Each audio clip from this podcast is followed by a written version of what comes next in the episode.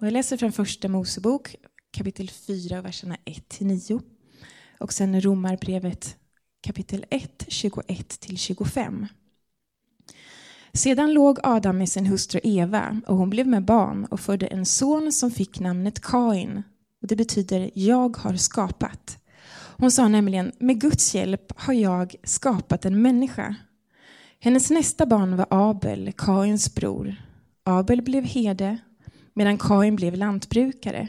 Och när skördetiden kom tog Kain en del av sin skörd och gav som gåva till Herren. Och Abel tog de fetas köttstyckena från sina bästa lamm och gav dem till Herren.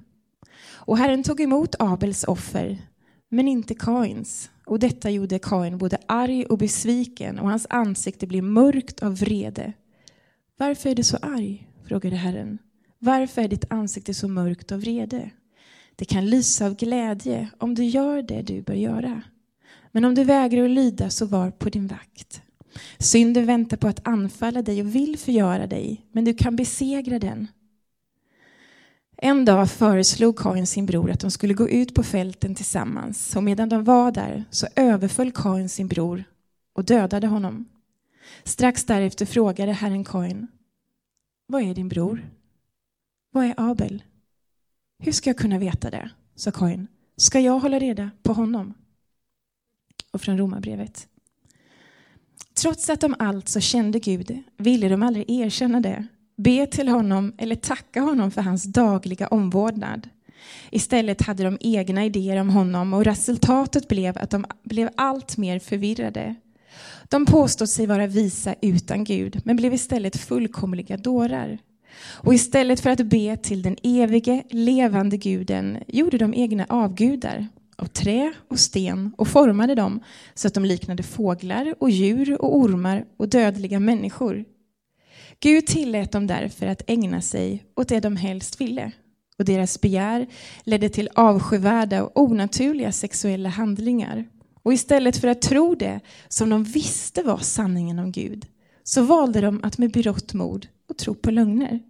De bad till sådant som Gud har skapat istället för att tjäna skaparen, han som bör prisas och tillbes i all evighet.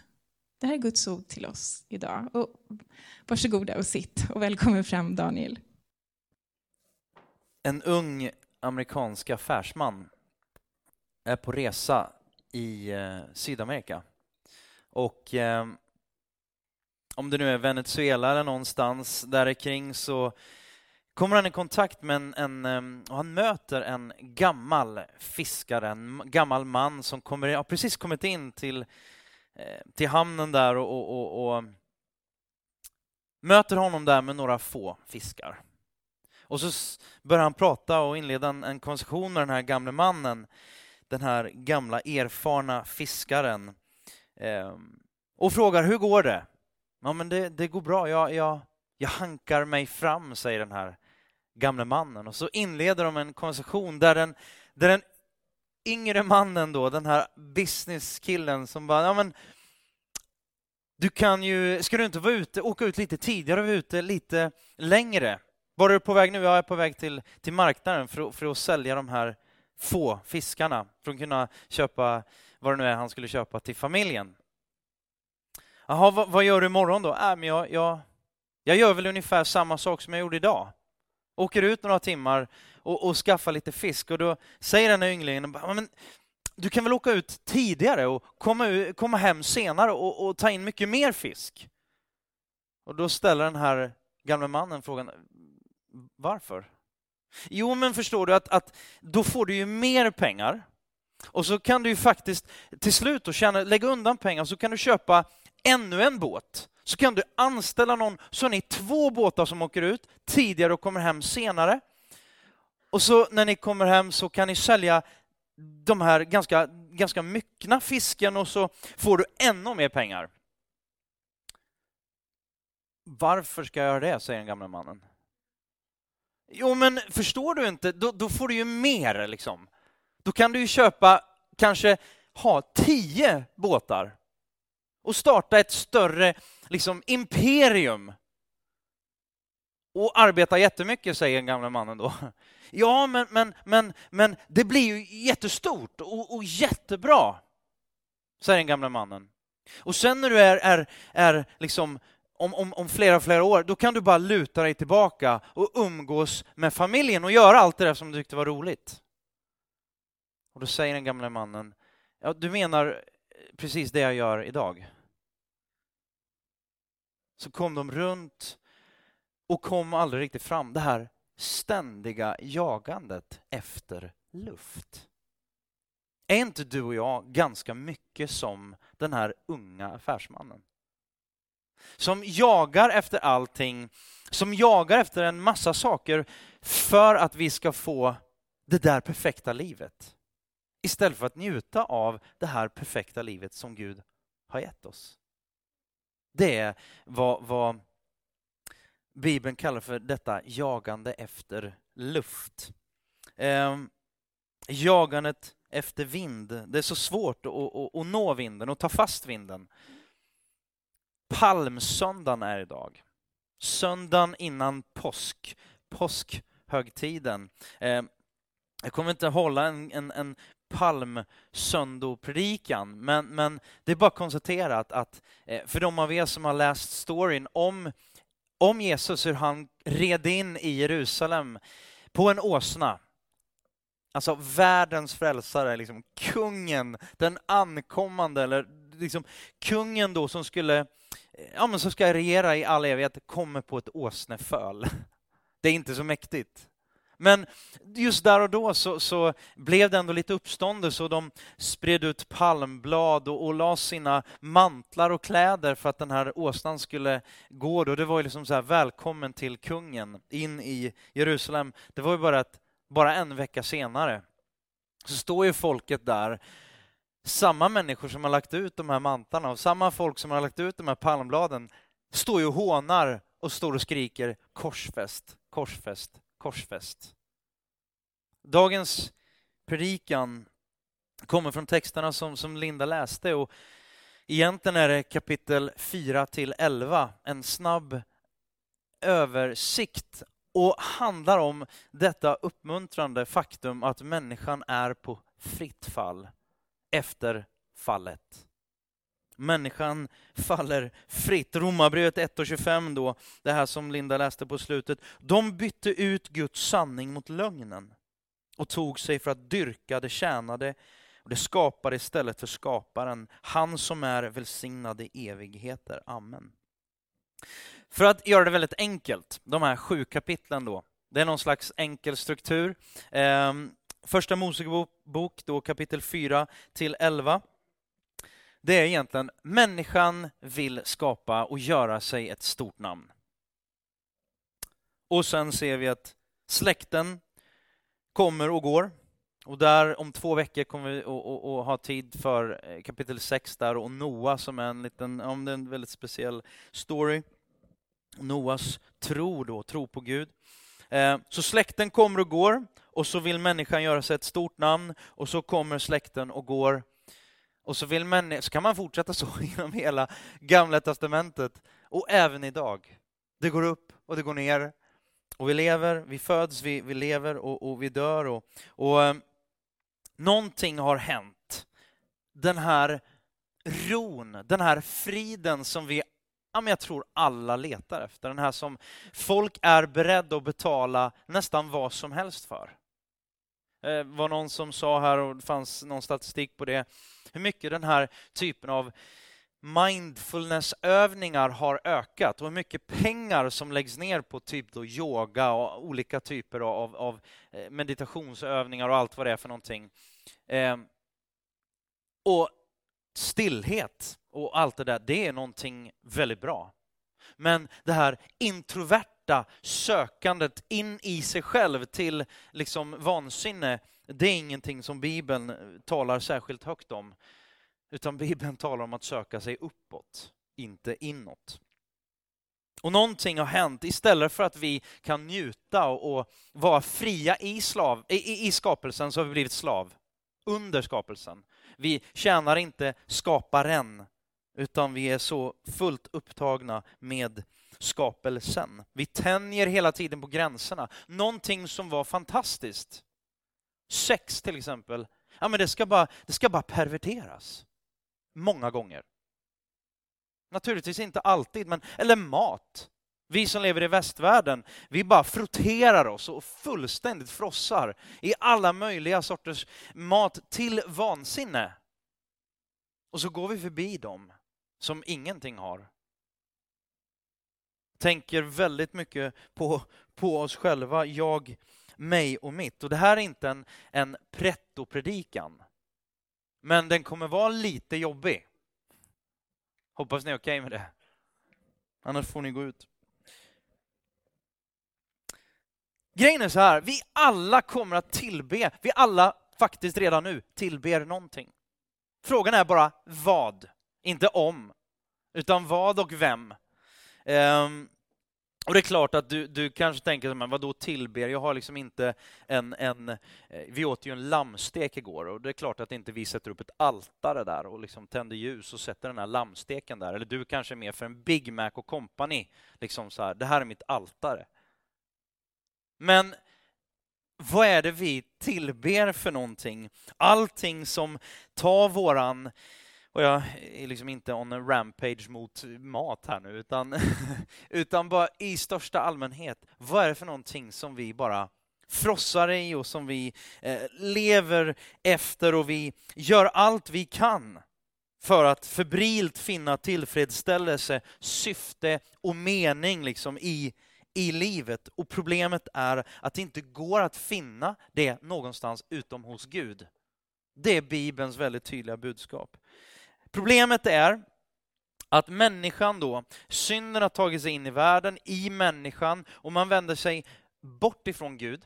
Eh, och man litar inte längre. Vi har pratat om det de senaste veckorna. Synden handlar ju inte om specifikt främst, specifikt det här, våra favoritgrejer som, som kyrkan kanske många gånger har lyft upp. Det här är, liksom, det här är verkligen synd. Och, och, och liksom, Ja, det, det, är det. Och det, det är del av, av världens och våran bortvändhet från Gud. Men ur problemet, det var att vi inte litade på Gud. Att vi inte vill, vi inte vågar eh, lita på Gud. Och egentligen är det ganska intressant, för vi satsar allt, och jag menar verkligen allt. Alltså människor satsar livet och, och evigheten, liksom. livet, evigheten som insats på att de själva löser det här bättre. Ja, det kan man göra. Och, och på sätt och vis så gör vi nog det allihop. Ehm, människan vänder sig bort ifrån Gud och, och, och samtidigt så ser människan, jag, jag, jag är naken. Jag, jag, I don't got it all together, liksom. det är väldigt tydligt.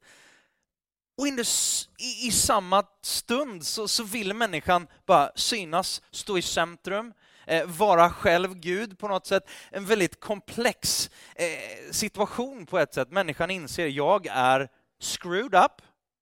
Jag har problem, jag är, är, är fallen, jag, jag är naken, men jag vill ändå vara i centrum, väldigt något sådär ambivalent. Vad är det för fel på mig? Liksom? Man, man inser det, människan inser det.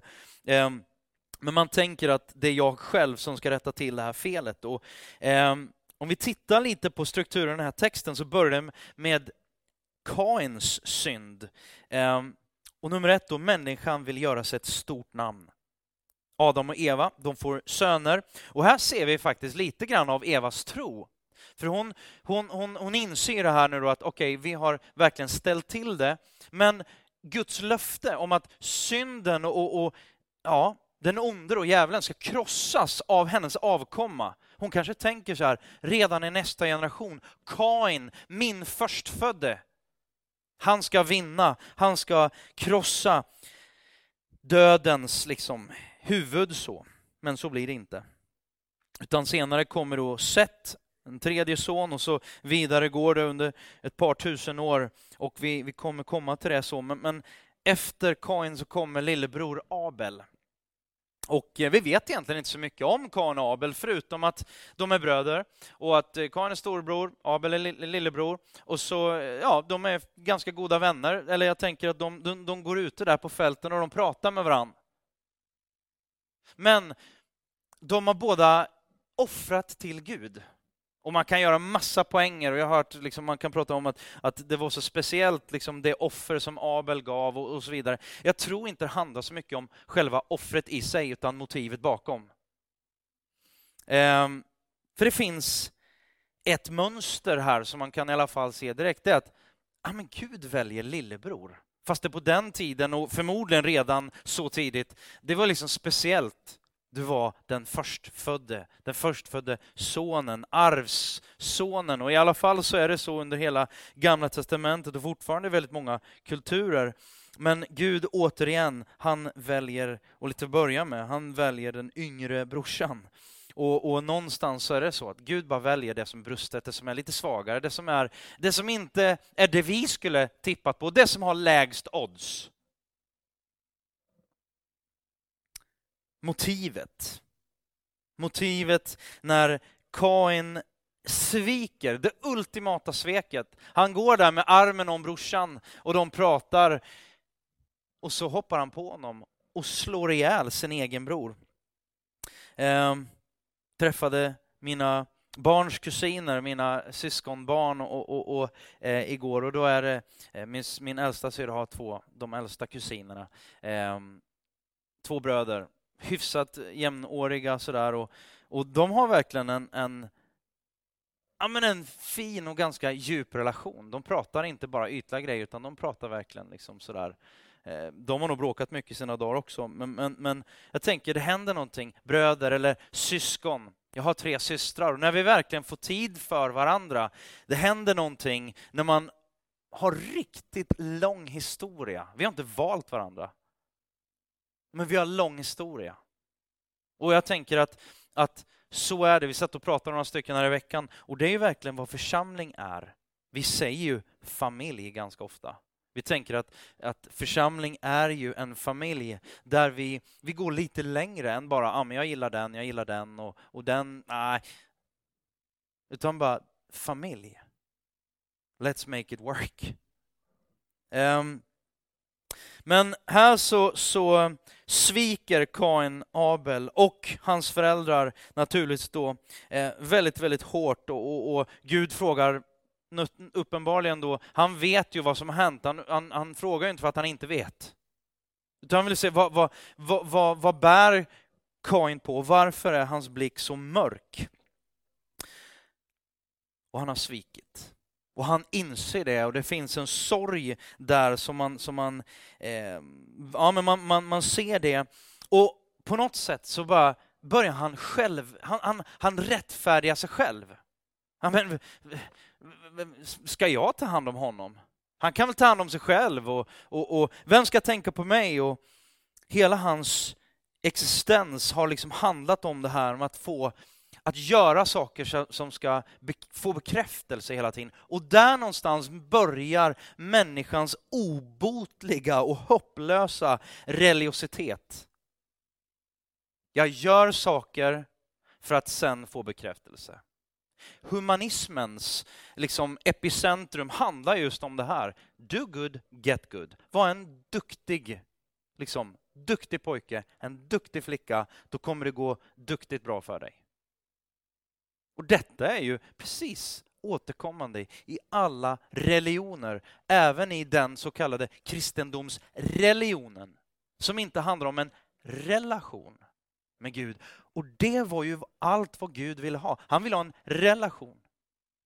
Inte bara så här, ja, men du har gett det här Abel, och du har gett det här Kain, men du ger det inte för att du, du vill ha relation, du ger det för att, för att du ska få någonting, för att du ska vara någonting, för att uppmärksamhet och allt det där. Och självklart eh, så, så behöver vi det. Men arbetar jag tillräckligt hårt, då kommer jag vinna en dag Guds gunst och Guds frälsning. Eh, så vad ska vi göra då? Vad ska vi göra då? För vi är ju i samma situation många gånger, precis som, som Kain. Ja, Svaret är omvänd dig och tro på evangelium. För grejen är den att vi identifierar oss, visst, visst är det så? Man, man, man ser på en, en, en film eller man lyssnar på en story så, så identifierar man sig. Det är därför Solsidan gick så bra, inte minst bland barnföräldrar. För vad händer? Jo, man känner igen sig, eller hur? Inte riktigt i allt, men, men de drar liksom saker väldigt långt så. Men, men grejen är den att jag tror att undermedvetet, någonstans, det är ju inte många av oss som bara räcker upp handen och bara yes, jag identifierar mig med Kain. Det är liksom inte så här, yes, my predisposition är Kain. Utan det är ju snarare Abel och bara, ja, victim. Jag är ju liksom, jag har ju eh, den koftan på mig liksom. Jag, jag, vi är de oskyldiga martyrerna. För det som händer runt omkring oss, det är ju inte vårt fel. Och så vidare. Men vi tänker ju liksom så här, ja, man ska bura in och straffa dem som är som Kain. Och då sätter vi oss omedelbart i Kains kläder. Det är faktiskt det som händer. Vi bevisar att vi är snarare Kain än Abel. Ehm, vi vill liksom att våran, eh, våra actions och, och ja, men det ska stå och lysa liksom på något sätt i jämförelse med andra. Så, och, och Kain, vad gör han för någonting? Hans gärningar lyser inte med sin prakt i jämförelse med Abels. Så vad gör han? Ja, han plockar bort utmanaren. Han dödar Abel. Vem ska jag... Liksom, va, va, va, ska jag hålla reda på min bror? Vad, vad händer med mig då? då? Vem ska tänka på mig? Jag måste ju tänka på mig. Jag kommer att tänka på just Alfons Åberg. Han säger så här, alla bara tänker på sig själva. Det är bara jag som tänker på mig. Är det inte den, liksom, är det inte precis den situationen? Alla bara tänker på sig själva. Det är bara jag som tänker på mig. Vi vill ju att världen ska vara en enkel plats, liksom en plats med syndare och helgon och vi tillhör ju det senare naturligtvis. Vi är ju lite så här, ja, vi är inte, vi är inte perfekta och det är vi noggranna i, speciellt i Sverige, ödmjuka Sverige så här, pratar om eh, våra svagheter, men så samtidigt så är vi ju otroligt präktiga. Otroligt snusförnuftiga och fisförnäma. Eh, det är rätt smärtsamt att behöva identifiera sig med Kain i en sån här story. Mördaren. Den som gör sig av med eh, konkurrensen. Och det som händer efter det här, de här kapitlen som kommer då, förutom just kapitel 6 med, med Noa och floden och, och, och, och, lite det som händer sen, fram till kapitel 11, det är egentligen bara typ släktregister. Um, och, och, någonstans så tänker man bara så här, det här är Guds långa telefonkatalog, hur spännande kan det här vara på ett skala? Eh, och det är det som händer då, släkten kommer och släkten går. Det händer inte så mycket då eh, under de här kapitlen egentligen. De föds, folk föds, de får barn och de dör. Det är en lång liksom, hebreisk telefonbok. Eh, men om man går ner och tittar så är det ju naturligtvis saker och ting som döljer sig bakom de här namnen. Och jag ska inte gå in på en massa olika specifika namn och sådär, men det händer ju en massa saker. Och det vi vet och det vi ser är att Guds frälsningsplan, den fortsätter. Den är i allra högsta grad levande. Gud har inte bara sagt, nej men nu får ni klara er själva, sköt er, skärp er. Nej, utan han är med. Och kvinnans säd, den fortsätter då fram till Noa och sen vidare eh, i, i, ett par tusen år där. Och eh, det vi inser ganska snart, tror jag, det är att detta frustrerande och kanske mest utmanande av allting när vi läser, det är så här, Gud har ett helt annat perspektiv av ett, vad framgång är, två, vad tid är för någonting. Och vad är det vi tjänar mest av allt, det är framgång och det är tid. Inte konstigt att vi blir grymt frustrerade och inte vill följa Gud, för han har ett helt annat perspektiv. Jag vet inte riktigt det här med, vi har blivit itutade Och det är klart att det finns, alltså den här, Gud säger ju det till sina barn. Han säger det till dig, du är en fantastisk skapelse, men inte att förväxla med att du är alltid awesome. Det är inte samma sak. Ni har träffat på de här föräldrarna och självklart är det inte du eller jag. Eller om man inte ännu har barn, så då är man ju alltid den perfekta föräldern. Och i teorin, när man själv inte är mitt i det, då är man ju också the perfect parent by yes.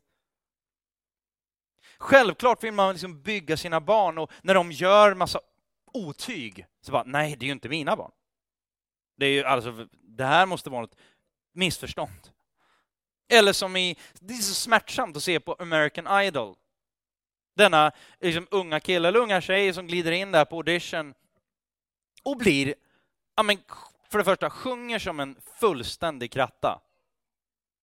Och sen blir sågad, det kan man ju tycka vad man vill om, det är inget trevligt. Liksom, det är ganska hårt. Liksom.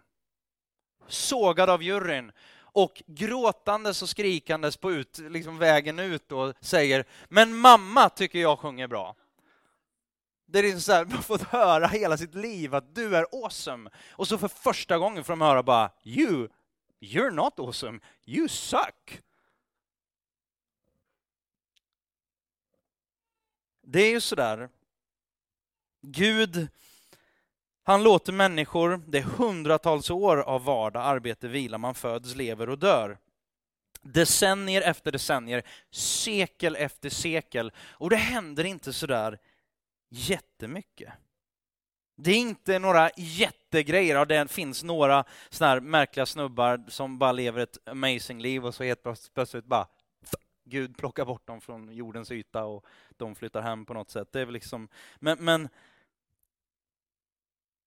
ändå är det så tydligt att det här är del av Guds frälsningsplan. Guds tid, alltså, tidsperspektiv är ju helt annat än våra. Vi blir lite frustrerade om vi ska titta, om vi ska streama nyheterna, streama någon film och så bara få vänta 30 sekunder på buffre, buff, buffrandet. Så bara, uh, jag måste byta internetleverantör. Vi har ju liksom hybris över det mesta som tar tid, i alla fall har jag det. Oerhört rastlösa är vi. Vi har ett oerhört kortsiktigt perspektiv.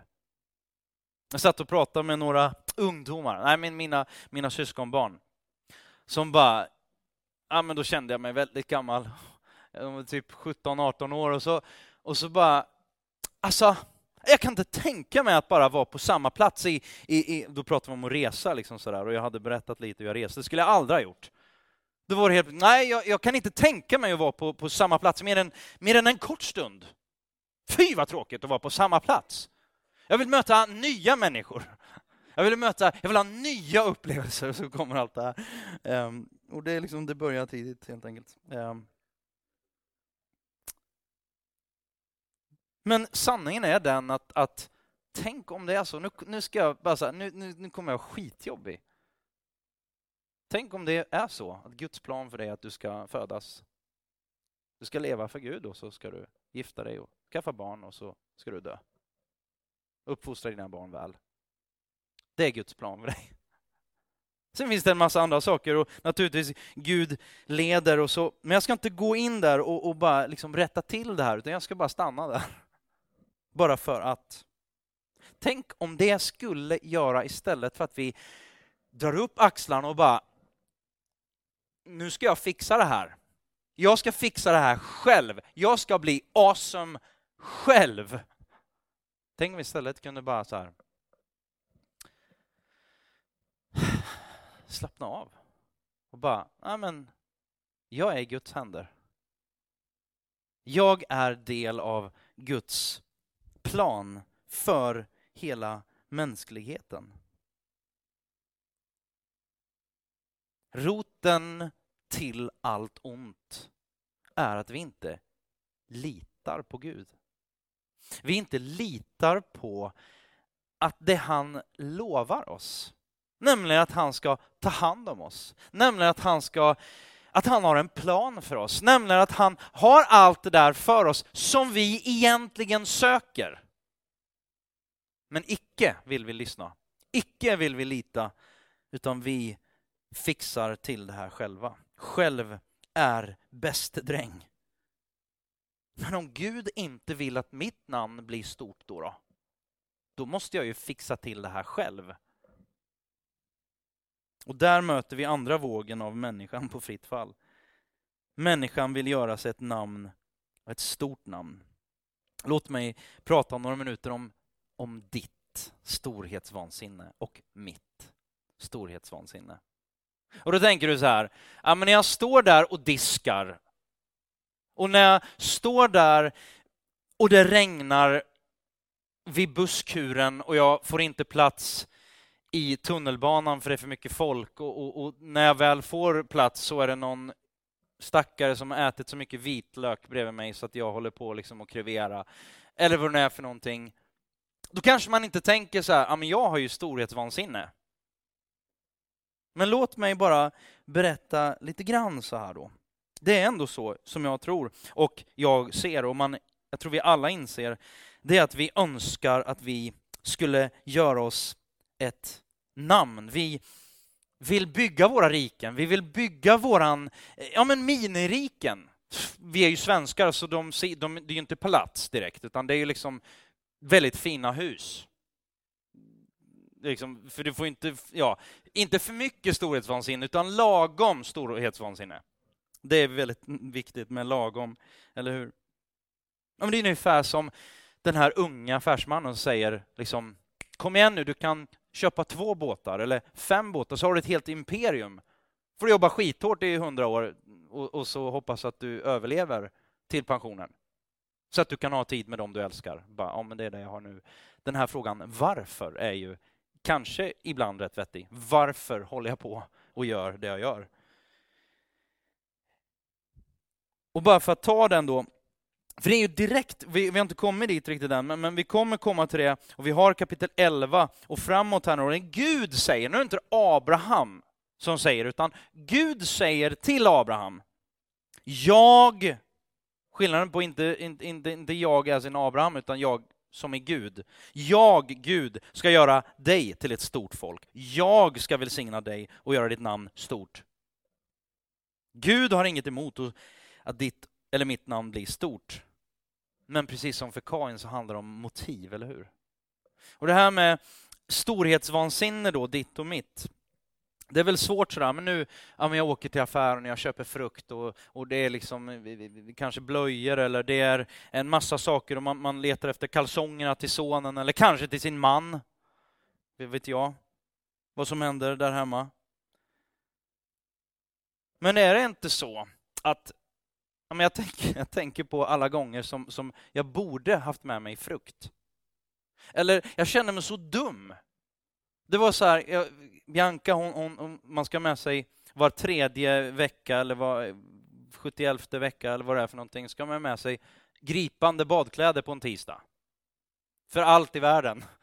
Och så kom jag till skolan och så bara, nej, jag har glömt badkläderna till Bianca, så står de andra, de är ju så otroligt duktiga. Då är jag sist naturligtvis med Bianca och så står de andra uppradade vackert så här och, och, och de är liksom, ja, allting ser perfekt ut. Kommer jag där, ser inte riktigt lika perfekt ut, för jag är sist. Men i alla fall så, så, så bara in med Bianca där och så bara, aj då. Eh, prata med, med, med, med läraren där och bara, du, eh, jag har glömt, bara, har du glömt, har du glömt badbyxorna? Har du glömt baddräkten till Bianca? Jaha, ja, det... Och grejen är det där att där och då, det kanske inte är så konstigt med den blick och med den ton hon gav mig då. Det, sorgen är ju inte att den liksom bara, nej Bianca, du kommer missa, vad, vad ledsen jag är för dig, att du kommer missa den här badstunden. Utan det är ju mer jag. Jag ser ut som en loser. Återigen bara, det är ju bara storhet, storhetsvansinne. Eller alla gånger man skulle ha frukt med sig. Så bara, Linda, du la inte ner frukt i barnens ryggsäckar. Hur kunde du glömma det? Okej. Okay. Alltså problemet och roten med just storhetsvansinnet är ju att du är i centrum. När du har glömt frukten så är det ju inte bara nej, Caleb har ingen frukt idag, utan det är bara shit, jag ser crap ut som förälder. Ja, det där, det är lite själv, liksom bara så här. Psykologi, lite terapi menar jag. Självcentreringen, ja men det är ju som att uh, lyssna på eller titta på Solsidan och sitter och jämför den ekologiska maten. Jag fick ett bra tips. Jag pratade med, med en chef, en, en riktig karriärskvinna så här, som äter barn till frukost. typ. Som, som berättar vid tillfälle, hon har två barn och, och ja, men hon är väldigt trevlig, men, men ja, hon, hon, hon det var hardcore kan man säga. Och, men hon gav ett väldigt bra, väldigt roligt tips i alla fall. Hon sa så här, men du vet, jag berättade att jag ska, ska till, till, till fotbollsträningen och, och, och, vissa gånger så här, ja, men då ska man ha sig bullar och så snurra runt på oss föräldrar. Så, där. Och, så sa hon bara så här, jag fick ett tips en gång och delade hon det vidare. Hon sa så här, alltså bara gå, köp riktigt fina bullar. Typ på, ja men gå och köp bullar. Och så tar du ut dem i påsen, stoppa in dem i en vanlig påse som du tar hemifrån. Och så sätter du det på bullarna och så gnuggar du runt lite grann. Och sen serverar dem. Då kommer alla bara, åh, vilken underbar förälder som bakar och det ser så bra ut och det smakar ju faktiskt jättegott. Den får ni for free. För att liksom göda ert storhetsvansinne. Ja, men det är så lätt att vi faller in i jämförelsens hav. Kain börjar jämföra sig med Abel. Och vi börjar naturligtvis att jämföra oss med alla andra, precis som Kain. Vad ska folk tänka och tro? Alltså, vad, ska de, vad ska de tycka egentligen? Vad, vad, vad ska de tänka? Och, och, och, när du står där i din ensamhet, med din, din liksom, ja, kanske sprucken dröm lite grann i kopiatorrummet och kopierar de här stencilerna, det gjorde man ju förr. Kopierar upp de här kompendierna, det gör man inte idag heller, för idag har man någonting annat.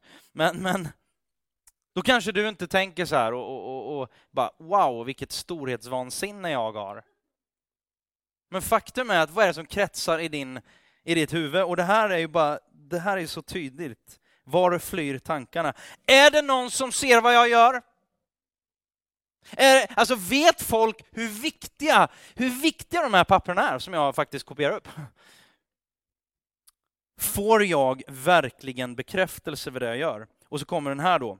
Värderar företaget, chefen, kollegorna verkligen mig för den jag är? Fokus är väldigt mycket jag i alla fall. Ska jag säga att det är jag som ligger bakom en stor del av det här arbetet? Eller ska jag vara lite så här smidigt ödmjuk? Jag bara lägger fram det så att andra kan se och andra kommer ge mig cred. Det ser ju mycket bättre ut. Det är bara ett som är klart, ett som är uppenbart. Det är att jag ska ha bekräftelse. Jag ska få, jag ska få det jag är värd. Come on somebody. Du är värd det. Och det kan ju vara så att du är värd det. Allt det goda som Gud har skapat. Augustinus, den gamle, höll på att säga den gamle geten, men han var ju en gammal eh, ökenman. Eh, han skrev i alla fall en, en, en, en bok, ett sitt kända verk, stora verk, Guds stad. Två städer. Människornas stad och Guds stad. I människans stad så söker man att bestämma, i Guds stad söker man att tjäna Gud. I människans stad söker man sin egen ära, i Guds stad söker man att ära Gud.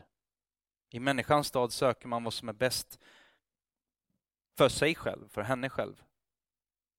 Och i Guds stad söker man vad som är bäst för andra.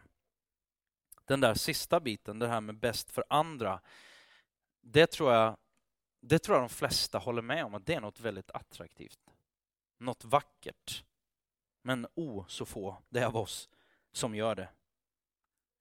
Båda de här rikena, båda de här städerna hålls samman av, till synes på ett sätt kan man ju säga då, av samma sak, kärlek.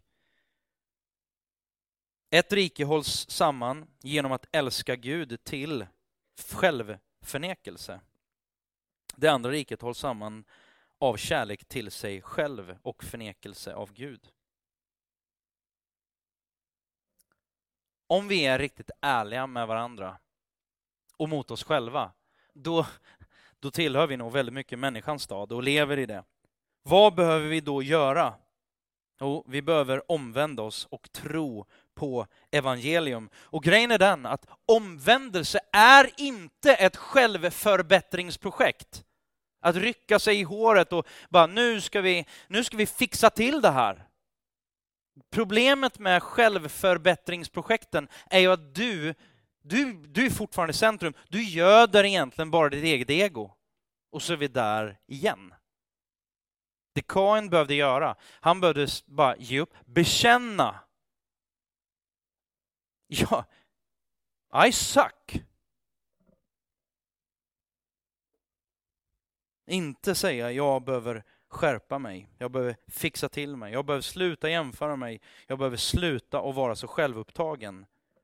Det är ungefär som att säga så här till dig, bara, tänk inte på ett grönt äpple just nu. Tänk inte på ett grönt, fantastiskt, så här, juicy apple som bara smakar så gott. Tänk inte på ett grönt äpple. Du bara, banan, banan, banan. För att febrilt inte tänka på det äpplet. Så bara, jag måste bli bättre, jag måste bli bättre, jag måste fixa, jag... Det blir inåtskådande. Och det blir inte bättre. Vi behöver kapitulera. Jag vill avsluta med en sista. Släkten kommer och släkten går. Tiden kommer och tiden går. Men hela tiden är Guds frälsningsplan verksam. Alltså, Romarbrevet, om man fortsätter och kapitel 8. Där säger Paulus, samme Paulus som har skrivit det här, de här verserna som man skrev i, i kapitel 1 då, som vi läste, så säger han också så här. Nu finns inte längre någon fördömelse för dem som är i Kristus. Bara lek med tanken. Om man efter det här mordet Gud har nåd med Abel, han, han dödar inte Abel, han, han gör sig inte av med Abel. Utan han säger, jag ska beskydda dig. Tänk om Abel hade fått höra, och på sätt och vis kan man säga att han fick det, men, men tänk om han skulle få höra, det finns inte längre någon fördömelse. Du behöver inte längre stå till svars för det som du har gjort. Vad skulle hända då tror jag? När man inser hur, hur mörkt det som finns på insidan är och så kommer någon och säger så här, vet du vad? Det finns ingen mer fördömelse, fördömelse för det. Du är fri.